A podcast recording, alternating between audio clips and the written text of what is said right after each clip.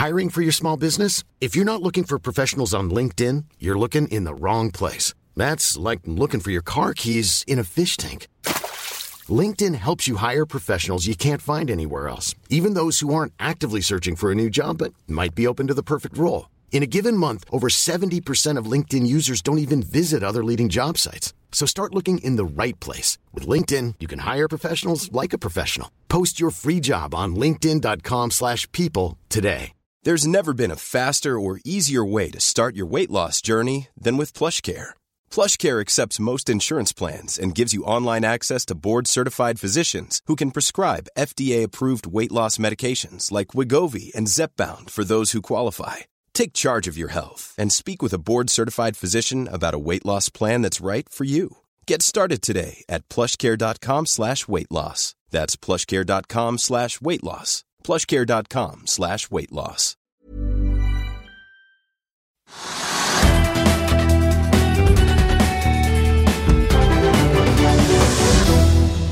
Først så skal vi snakke om Oslo Børs og hvordan det har gått der i dag. Det har vært ned eh, ca. 1 Hvorfor det, Trygve?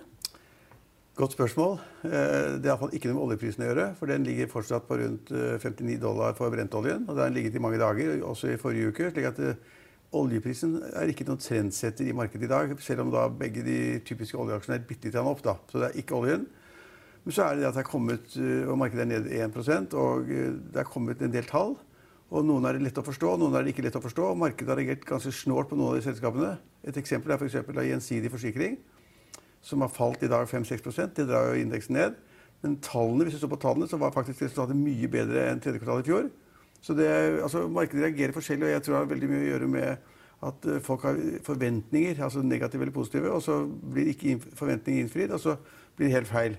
Og åpenbart ser det som markedet har ment at eh, Gjensidige skulle gjøre det enda bedre enn de gjorde. Enda jeg grovt sett på tallene, så doblet resultatet. Så eh, Det er et godt eksempel på at liksom markedet er litt usikkert, og så kommer det en del negative ting også, og så drar markedet ned. Og det, det, det andre er f.eks. Norsk Hydro, som alle forvaltere vil ha i porteføljen sin og sagt at Hydro er veldig bra i lang tid. Det har det ikke vært. Eh, og så kom de med tall, og det var kjempedårlige tall. Altså 1-2 milliarder dårligere enn samme tid i fjor. Og markedet har kjørt aksjene opp 4-5% og det tyder på da det at liksom, de kunne vært enda verre enn det de var. For det har vært involvert i så mye rart borti Brasil, og manglende pris på aluminium og manglende kostnadskutt osv. slik at det er en litt snål dag på Oslo Børs. Og du kan ta et tredje selskap. Skal jeg få lov til det? Ja. ja. Storebrand, som også da er et stort, godt selskap, tjener penger nesten like mye i år som tredje kvartal i fjor. Og da har markedet sagt at hm, de tjener penger. Det, liksom, det går bra i, i, i, i den forsikringen. Og så har de sendt aksjen ganske kraftig opp. Sist jeg så på, så tror jeg den var opp 5-6% eller sånn. Så de er litt ned, for det kommer noen negative tall. Og så har det kommet negative tall på regnskapet til Telenor, og det likte ikke markedet heller. Det var etter skatt og, og, og valutaeffekter osv. Så, videre, så jeg er ikke sikker på om det var så dårlig som markedet ha til. Men markedet likte det ikke å sendt Telenor ganske kraftig ned. I dag har vi begynt på resultatsesongen. Det er store selskaper, det er store endringer. Og de er foreløpig dratt det ned. Men tilbake til Norsk Hydro. De er jo da opp nesten 4% tross negative tall, som vi snakket om. Eh, men det er jo også lyspunkter der, ettersom de da velger å kjøpe disse aksjene? Ja, altså Jeg har vært skeptisk til Hydro ganske lenge. da, for Jeg mente at de der Brasil-problemene de hadde der borte, da, hvor de da liksom nektet å drive anleggene sine, for de hadde, hadde da forurenset vann, spillvann eller noe sånt, de hadde de ikke tak på. Og de var ganske seine med å innrømme at det gikk dårlig. Eh, og så er aluminiumsprisen ikke blitt noe særlig høyere. Og så skryter hele tiden at de har kostnadskuttprogrammer av 500 millioner og 5 milliarder. og hva det måtte være.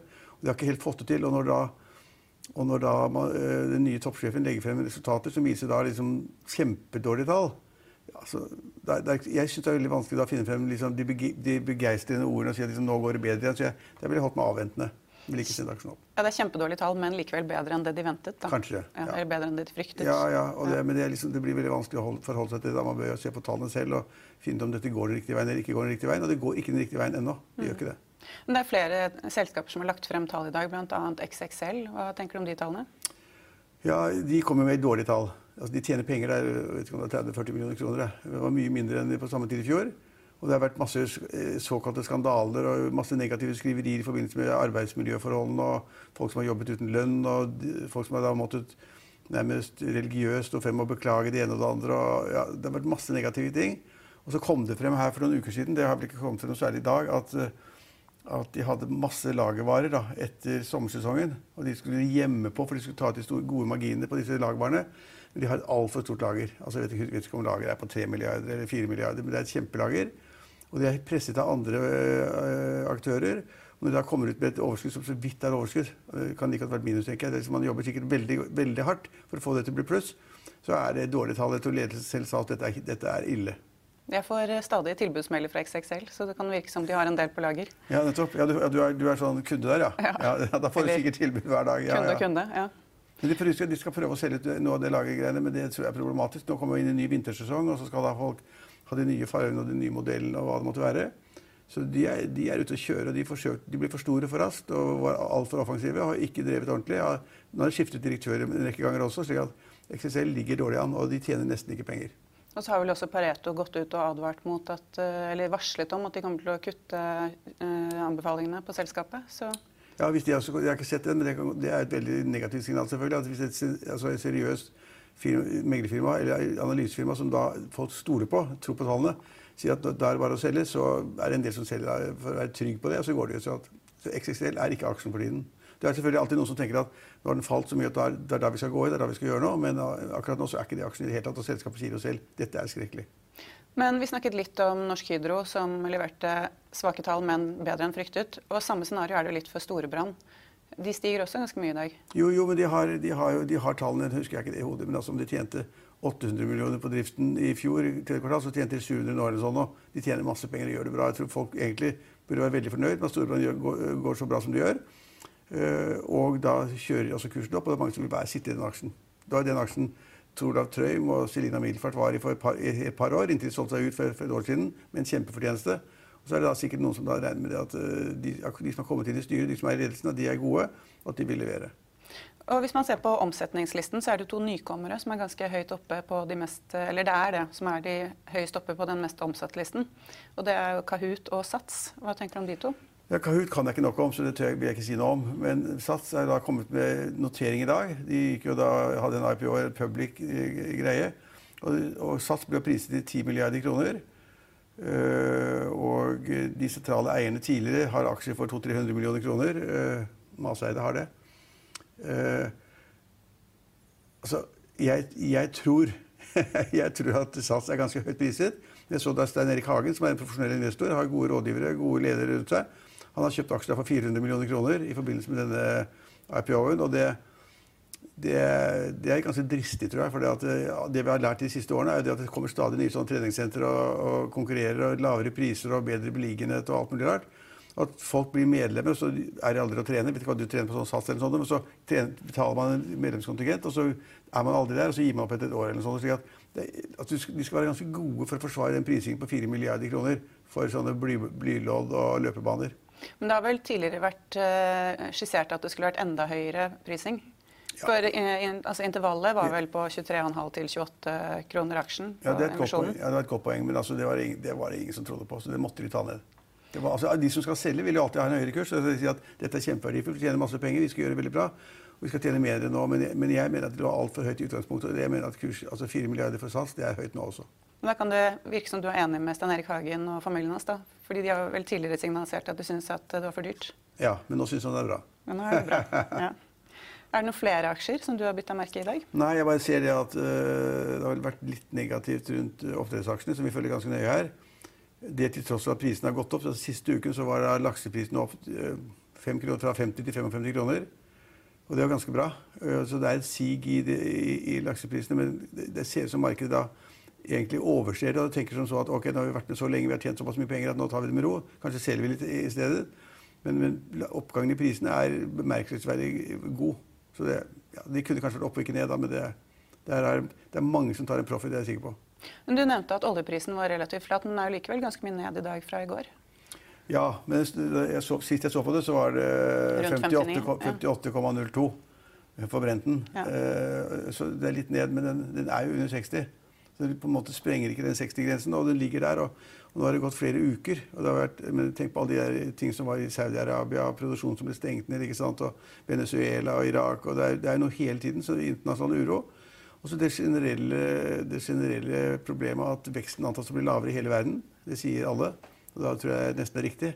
Pga.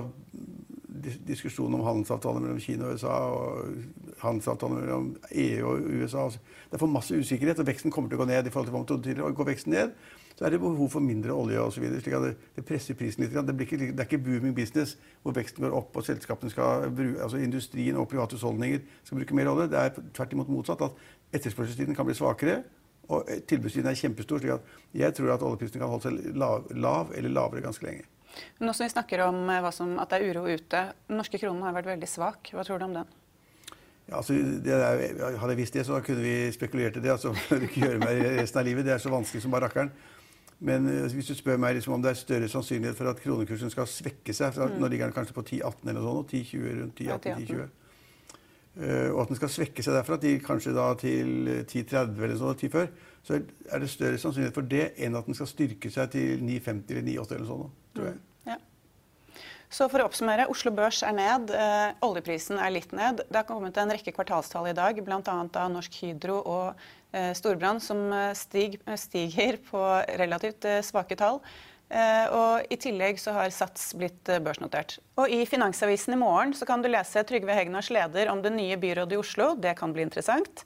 Eiendomsseksjonen vår kommer med bl.a. en sak om kontorhoteller. Og i tillegg så kan du lese om investeringsnettverket Female Invest, som skal trekke til seg investeringsklare kvinner.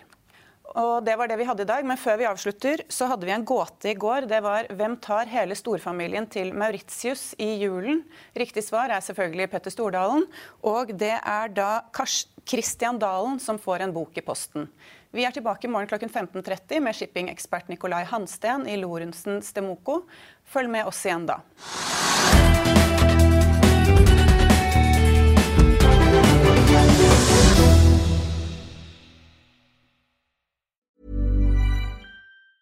Planning for your next trip? Elevate your travel style with Quince. Quince has all the jet setting essentials you'll want for your next getaway, like European linen, premium luggage options, buttery soft Italian leather bags, and so much more. And it's all priced at 50 to 80% less than similar brands. Plus, Quince only works with factories that use safe and ethical manufacturing practices. Pack your bags with high-quality essentials you'll be wearing for vacations to come with Quince. Go to quince.com slash trip for free shipping and 365-day returns.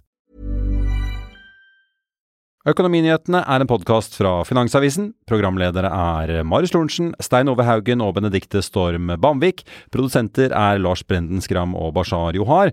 Og ansvarlig redaktør er Trygve Hegnar.